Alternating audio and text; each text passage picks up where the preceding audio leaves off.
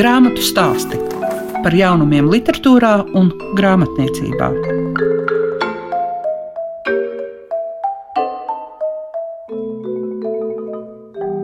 Esiet sveicināti oktobrī. Tā jums saka grāmatu stāstu veidotāja Liega Piešiņa. Un šodien eh, jūs varēsiet dzirdēt par Viktora Freiberga un Danielas Zatsmanes grāmatu vakar, šodien, rīt, kā arī ciklā vērtē lasītājs. Varēsim uzklausīt viedokli par Arno Junzes grāmatu Es nemiršu nekad. Grāmatu stāsti programmā Klasika. 28. Eh, septembris ir eh, kinokritiķa Viktora Freiberga dzimšanas diena, pirmā bez viņa. Un kopumā tagad ir iznākušas trīs ar viņa vārdu saistītas grāmatas, gan kinomāna slimības vēsture, gan Viktora otrā grāmata, gan tagad grāmata vakar, šodien, rīt, kas ir kinozinātnieka Viktora Freiberga un kino pētnieces Danielas Zatsmanes piezīmes par filmām un mazliet arī par dzīvi. Īsās refleksijas, strukturētas dienas grāmatas formātā, gluži kā bloknotā un papildinātas ar asprātīgām mākslinieka Bruno Meļa ilustrācijām. Un tieši 28. septembra vakarā izdevniecībā Aminorī bija sapulcējušies interesanti. Un mazu fragment no sarīkojuma norises varēsiet dzirdēt, kad Viktora Freiberga rakstīto lasīs Gunārs Aboliņš. Kā tappa mana izlase, kurā nav tikai izcils filmas, bet arī tādas, ko nemaz nav vērts skatīties? Kāpēc tā? To tūdaļ uzzināsiet. Iedomāsimies nelielu epizodi no filmas. Uz augstas skāpja jau sen glabājas kāda kartona kaste, kurā no seniem laikiem ir krāti visdažādāko filmu diski. Kādu dienu es nolēmu šo kasti nocelt zemē un paskatīties, vai tajā nav kas agrāk neredzēts, vai arī kāda filma, kas jānoskatās no jauna. Nākamais kadrs ir kino klišeja, jo ceļot kasti no skāpja augšā, protams, izslīd man no rokām un visi diski izbirst. Tā nu es stāvu disku un sen uzkrāju šos putekļus dušā, bet par laimi vismaz nezinu, no kurienes neuzrodas Normans Beits, pārģērbies par māti un ar dunci rokā. Visi filmu diski ir sakrituši kā flīzes uz grīdas, un nekas cits neatliek, kā citu pēc citu tos savākt. Un tad sanāk kaut kas līdzīgs loterijai. Pārcelājot filmas, atceros, ka daļu esmu redzējis, citas ne, vai arī tās ir piemirstas, Dažkārt atceros kādu filmu, ko sen esmu gribējis redzēt, vai arī ieraugu kādā rakstā pieminētu filmu, kas ir saslavēta un visiem būtu jāredz, noskatos un tomēr vilšanās. Tāpēc manā bloknotu kolekcijā ir vecas un jaunas, labas un arī netik labas, vai pat drāmīgas, nu, maigi izsakoties filmas, kam bijusi zināma loma kino vēsturē. Kad uznāk bezmiegs vai uzvēdīja kāda smarža, iešaujas prātā vēl kādu filmu, kuru gandrīz pagaisusi no atmiņas, bet tad nākamajā vakarā to noskatos vēlreiz. Tā nu pamazām sanākusi visai raiba filmu kolekcija. Varbūt kāds lasītājs saskums, ka nav pieminēta viņa mīļākā filma.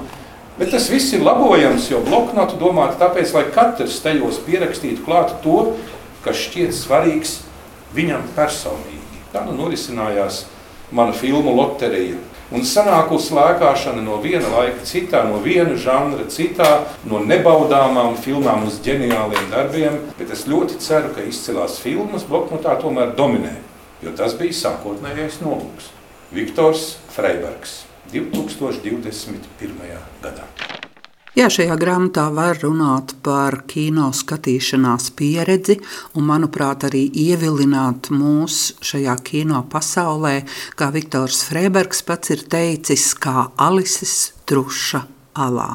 Un tagad uzklausīsim, ko saka Daniela Zatsmane. Grāmata saucas Vakar, šodien, rīt. Un es sākšu ar vakaru, jo tas bija pirms diviem gadiem, kad Dārts un Marika mūs ar Viktoru uzaicināja viltīgi uz vakariņām. Sāka runāt par to, ka Viktoram vajadzētu vēl kaut ko uzrakstīt, jo Aminori izdeva Viktora pirmo grāmatu, Kinomāna slimības vēsture, pierādot to, ko mēs visi sen jau nojautām, ka Viktoram ir izcils rakstnieka talants. Viktors ļāvās pierunāties, bet varbūt arī nemaz tik ļoti nevajadzēja pierunāt. Bet man tāda sajūta, ka man tā funkcija bija tajā vakarā palīdzēt izdevniecībai viņu pierunāt, rakstīt. Bet tas viss noslēdzās ar to, ka viņš man pieaicināja dalīt šo kino skatīšanās pieredzi, mums rakstveidā sadalīt uh, uz abiem, par ko es esmu ļoti priecīga. Un tā tas sākās, un tā nav nekāda koķetērija vai izlikšanās vai kino vai kā, bet tas, kas ir grāmatā, kaut kādā ziņā atspoguļo to, par ko mēs ar Viktoru arī runājām. Tad, kad mēs sazvanījāmies, Mēs patiešām runājām par filmām, ko esam noskatījušies. Tas Viktoram bija svarīgi. Un vienkārši, lai tas neaizplūstu kaut kādā nebūtībā, gada laikā apmēram mēs pierakstījām to, ko mēs esam noskatījušies. Nu, arī drāmīgas filmas. Viktors, eh, piemēram, par vienu viņš saka, ka labāk šito neskatieties, iziet laukā, pastaigāt. Bet, nu, protams, Viktors par to uzraksta tā, ka mums tāpat gribas viņu noskatīties. Tas ir par vakaru. Jā, un uh, pie vakara pieder arī tas, uh, šī sakritība, ka grāmata iznāca vasarā, nedēļā, kad Viktors aizgāja. Un šodien, šodien ir 28. septembris, kas ir uh, Viktora dzimšanas diena un arī Brigītas Bardo dzimšanas diena, ko viņš parasti piebilda. Un tad, kad mēs pārvilkām svinības uz nākamo dienu, tad viņš bija priecīgs, jo tad ievilkās līdz Antonionī dzimšanas dienai. Tas, kas kādreiz likās negluži pašsaprotami, bet, var sakot, Viktora aiziešana nekas vairs neliekas kā pašsaprotams. Arī tas, ka šāda grāmata varēja tapt, ka tāda mums ir. Bet šodien mēs atceramies Viktoru, un nu, vismaz man liekas, ka ļoti liela atšķirība. Tas tāpat kā kad filma beidzas, tev vairs nav nekādu cerību, ka tomēr viņa beigās apprecēsies vai kaut kas tāds. Tad uh, ir kaut kāds nogrieznis, kas ir beidzies, bet tas, kas paliek, iegūst kaut kādu vēl lielāku vērtību. Un tāpēc es domāju, ka šodien jāskatās uz visu to no tādas gaišās puses, jo Viktors redzēja grāmatas maketu, viņš par to bija ļoti iepriecināts, īpaši par ilustrācijām Bruno Mēļa. Un kas attiecās uz rītu, tad uh, grāmata ir veidot kalendāra formātā, nav piesaistīta noteiktam gadam. Kā jūs saprotat, jebkurš gads var būt kino gads. Vispār kāpēc var būt jābūt kino gadam? Jebkura diena var būt kino skatīšanās diena. Un tas, kas attiecas uz rītu, ir tas, ka šeit ir filmu saraksts vai filmas, kuras mēs varam skatīties. Tur ir daži brīvi laukumi, kur var, jūs varat ierakstīt arī savas filmas. Jā, var arī nosvītrot vai pasvītrot. Sākotnēji es varu atklāt, ka mums bija tāds eh, diezgan akadēmisks eh, vārds, kurš izskatījās pēc bakalaura darba vai maģistra darba, tas visiem uzdzen drabuļus. Visu laiku mums likās, nē, tas neies, tas ne, neies cauri, un Bruno piedāvāja šādu versiju, ko Viktors atrakstīja. Jā, ņemam daudzonīgo. Nu, lūk, un tad uh, es, jā, es esmu ļoti pateicīga, priecīga, ka kaut kas tāds mums ir un ka es varēju līdzdalīt to ar Viktoru. Grāmatu stāsti tiem, kam grāmatu lasīšana ir vērtība. Kino pētnieks, tulkotājs Viktors Freibergs 2020. gadā saņēma dzintara soduma balvu par grāmatu Kinomāna slimības vēsture. Un tajā laikā rakstnieks Roalds Dobrovenskis bija par viņu uzrakstījis tā. Neatceros citu tekstu, kurš tik pārliecinoši taustāmi parādītu cilvēku radīta māksla, šajā gadījumā kino māksla, kļuvusi jau par otro dabu, par mūsu būtnes, mūsu pašu neatņemamu daļu. Freiberga grāmata ideāli atbilst soduma balvas priekšnoteikumiem, tās Novitātes iet tik tālu, ka šis darbs šķiet neietilps nevienā pazīstamā žanra rāmjos. Viktors Freibergs absolūti brīvi jūtas pasaules mākslas plašumos. Paklausīsimies kādu senāku ierakstu, kur Viktors Freibergs stāsta par savām grāmatām. Šī tapa ļoti dīvaini, jo es to grāmatu nerakstīju kā grāmatu. Sākumā es gribēju saukt to par iedomātajām dienas grāmatām, bet tur dublējās ar Alvi Hermaņa grāmatu, dienas grāmatu, un tad mēs nolēmām mainīt nosaukumu, kas ir man ļoti pieņemams. Es vienkārši rakstīju, man tas periods, tas jau bija sen, 2013. gadā, man liekas, kad sākās tā otrā problēma ar to otro vēzi, tad man vienkārši vazāja pa visādām iestādēm, pa visādām pārbaudēm, un neviens neko nevarēja pateikt pateikt, un īsti nesapratu, kas notiek. Tur bija sarežģīti, es tur fizioloģiskās detaļās neiegrimšu. Nebija skaidrs īsti, kas tas ir. To jau tikai noskaidroju pēc tam, kad izoperēju. Un es vienkārši apsēdos pie datora un ik pa laikam, pilnīgi instinktīvi, un tur grāmatā sākumā jau rakstīts, ka es vienreiz vilcienā noģību. Man likās, ka es aizmiegu, bet man viena sieviete teica, es jau izsaucu ātros, jūs noģībāt. Es teicu, nē, tā nav tiesa. Es nezinu, kā viņi to visu bija nofiksējuši, bet viņi bija ļoti uzmanīgi vērojuši. Ko es daru? Viņi teica, kāpēc jūs tur to sanāks iedzērāt. Es teicu, tāpēc, ka es esmu šausmīgā panikā, man ļoti sāp. Un tad es sāku vienkārši ik pa laikam rakstīt, rakstīt, rakstīt. Un tad es iestrēgu, un tad ilgu laiku es neko nerakstīju. Un tad vēlāk, tad, kad mums tā sanāca ar Aminoriju, Mariku no Aminoriju un Dats no Aminoriju satikties, nu, tad kaut kā mēs sākam runāt. Viņas gribēja piedāvāt nu, vienu grāmatu tulkot, bet es teicu, ka nē, pārāk biezi bija. Un, un tad viņi prasīja, vai man ir kaut kāds teksts, un es sākumā teicu, nu nē, nu nav. Bet tad es atcerējos, ka nu, ir man tur tekstiņš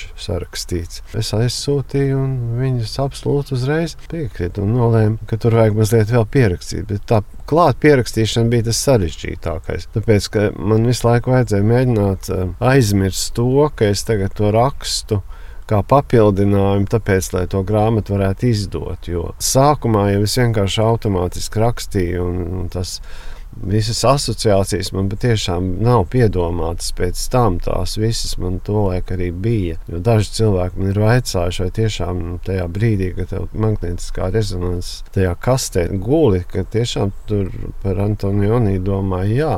Tāpēc, ka šausmīga panika bija, man drausmīgi nepatīk tā procedūra. Un tā tas viss notika. Un es nezinu par turpinājumu, tas varētu vienīgi kaut kā ļoti ilgā laika posmā tapt, jo apsēsties un tagad mēģināt mēģināt kaut ko sākt domāt, nu, es varu staigāt apkārt un kaut kādas asociācijas, kaut ko es tur varu uzmest. Bet nu, šobrīd plānā, nu jau tas tur Facebookā ir. Es rakstu tagad grāmatu par kino bet nevis akadēmiski, nevis tur konkrēti par kaut kādām tēmām. Man patīk to darīt, un tas ir savādāk. Tad es paņemu kaut kādu tēmu vai tēlu precīzāk, un tad es aprakstu kaut kādas filmas, bet es nemēģinu meklēt kaut kādus pētījumus un kaut ko, ko cits tur gudrāks par mani, kas teicis. Es vienkārši rakstu, tas būs arī uz tādām impresijām balstīts. Es gribētu rakstīt tā, lai sintēzētu vai kaut kā savienotu to filmu filmu ar literāru tekstu.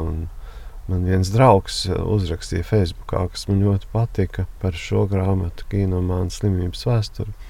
Viņš tā arī nesaprot, viņš ir noskatījies filmu vai izlasījis grāmatu. Tas ir tas nolūks. Nu, sākumā instinktīvi, pēc tam apzināti. Jo tur jau beigās arī ir par tām manām ekspedīcijām Londonā, kur es speciāli braucu uz divu filmu uzņemšanas vietām. Nevis uzņemšanas viens bija ziloņa cilvēks, līnča, kur ir uh, tie artefakti saglabājušies patiešām. Un tad es braucu uz to parku, kur blow-up vai fotopalielinājumu Antonioni filmēja, kas ļoti, ļoti tālu no centra. Un tur pilnīgs tukšums bija tajā parkā. Un, nu, kaut kā ļoti atmosfēriski tas bija.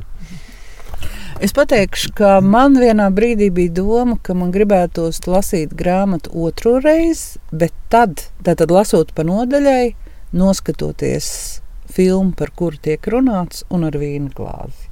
Tāds bija mans jūtas. Nu, droši vien, ka es varbūt tā nerealizēšu, bet tā iedoma tāda bija. Nu, jā, nu, kāpēc gan nē? Tur jau nav nekā sarežģīta grāmatā patiesībā. Jā, nu, es diemžēl vīnu nevaru dzert. Bet uh, nu, ir visādi citādi dzērieni. No. Bet uh, to var baudīt. Es zinu vairākus cilvēkus, kas ir teikuši, ka viņi ir lasījuši otrreiz, tad, lai varētu tās filmas pierakstīt. Kaut gan tur ir saraksts beigās arī. Pateicoties Kristīnai Matīsai, jo viņa rediģēja to tekstu. Un, un viņa jau pārzina kino ļoti labi.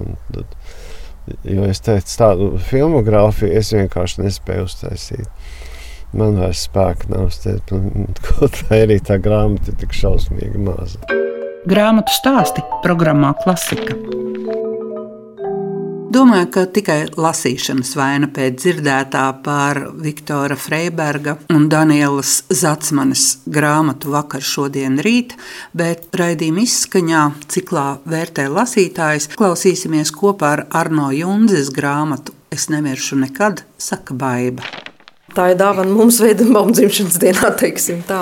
O, es nemaz tā nebiju aizdomājusies, ka 155. Es eh, skolas laikā biju ļoti aizrāvusies. Ja es tā ļoti parokos pa atmiņu, tad es pa kādam teikumam, diviem, trim var izvilkt no katra, nu, vai no nu, ļoti daudziem dzējoļiem. Samērā nesen, pirms kādiem desmit gadiem, kad kāda izlase iznāca, es arī nopirku. Tāpēc es metos iekšā tajā grāmatā ar ārkārtīgi interesi. Es ļoti daudz ko uzzināju par Vēdenbaumu, jo skolas laikā tā mazā īsā biogrāfija, jā, bet mūsu skolas laikā jau arī īpaši nepievērs uzmanību autoru biogrāfijām. Nu, varbūt atskaitot Raini, tad vajadzēja varbūt zināt, kad viņš brauc prom un kad brauc atpakaļ no emigrācijas, un tas bija arī varbūt kaut kādā ziņā svarīgi. Bet par citiem autoriem mēs nekad neko nezinājām. Un, protams, ka nav tā, ka es būtu vīlusies Vēdenbaumā nekādā gadījumā.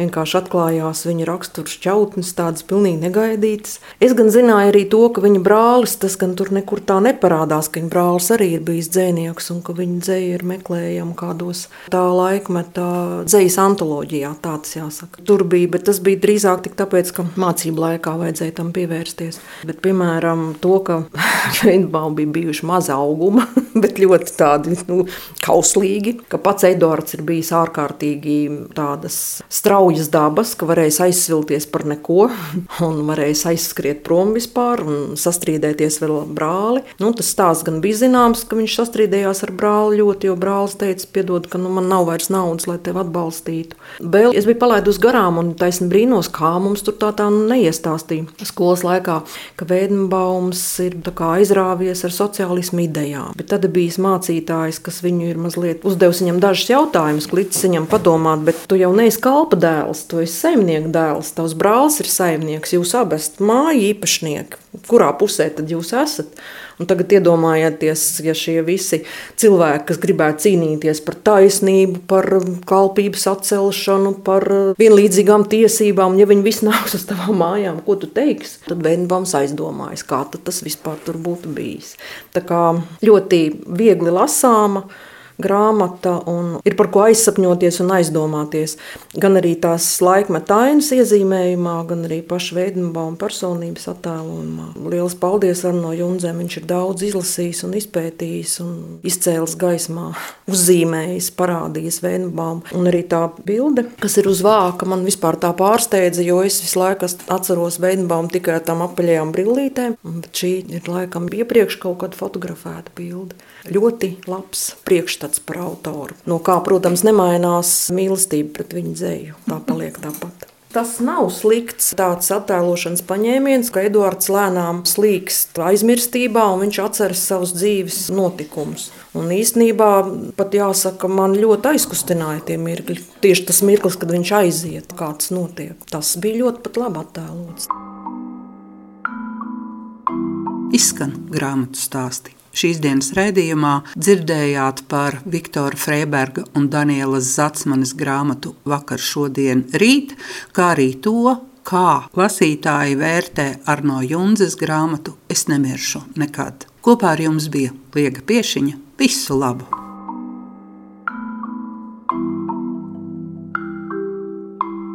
Grāmatu stāsti par jaunumiem literatūrā un grāmatniecībā ik trešdien, 9.5. ar atkārtojumu Svētdien, 18.15.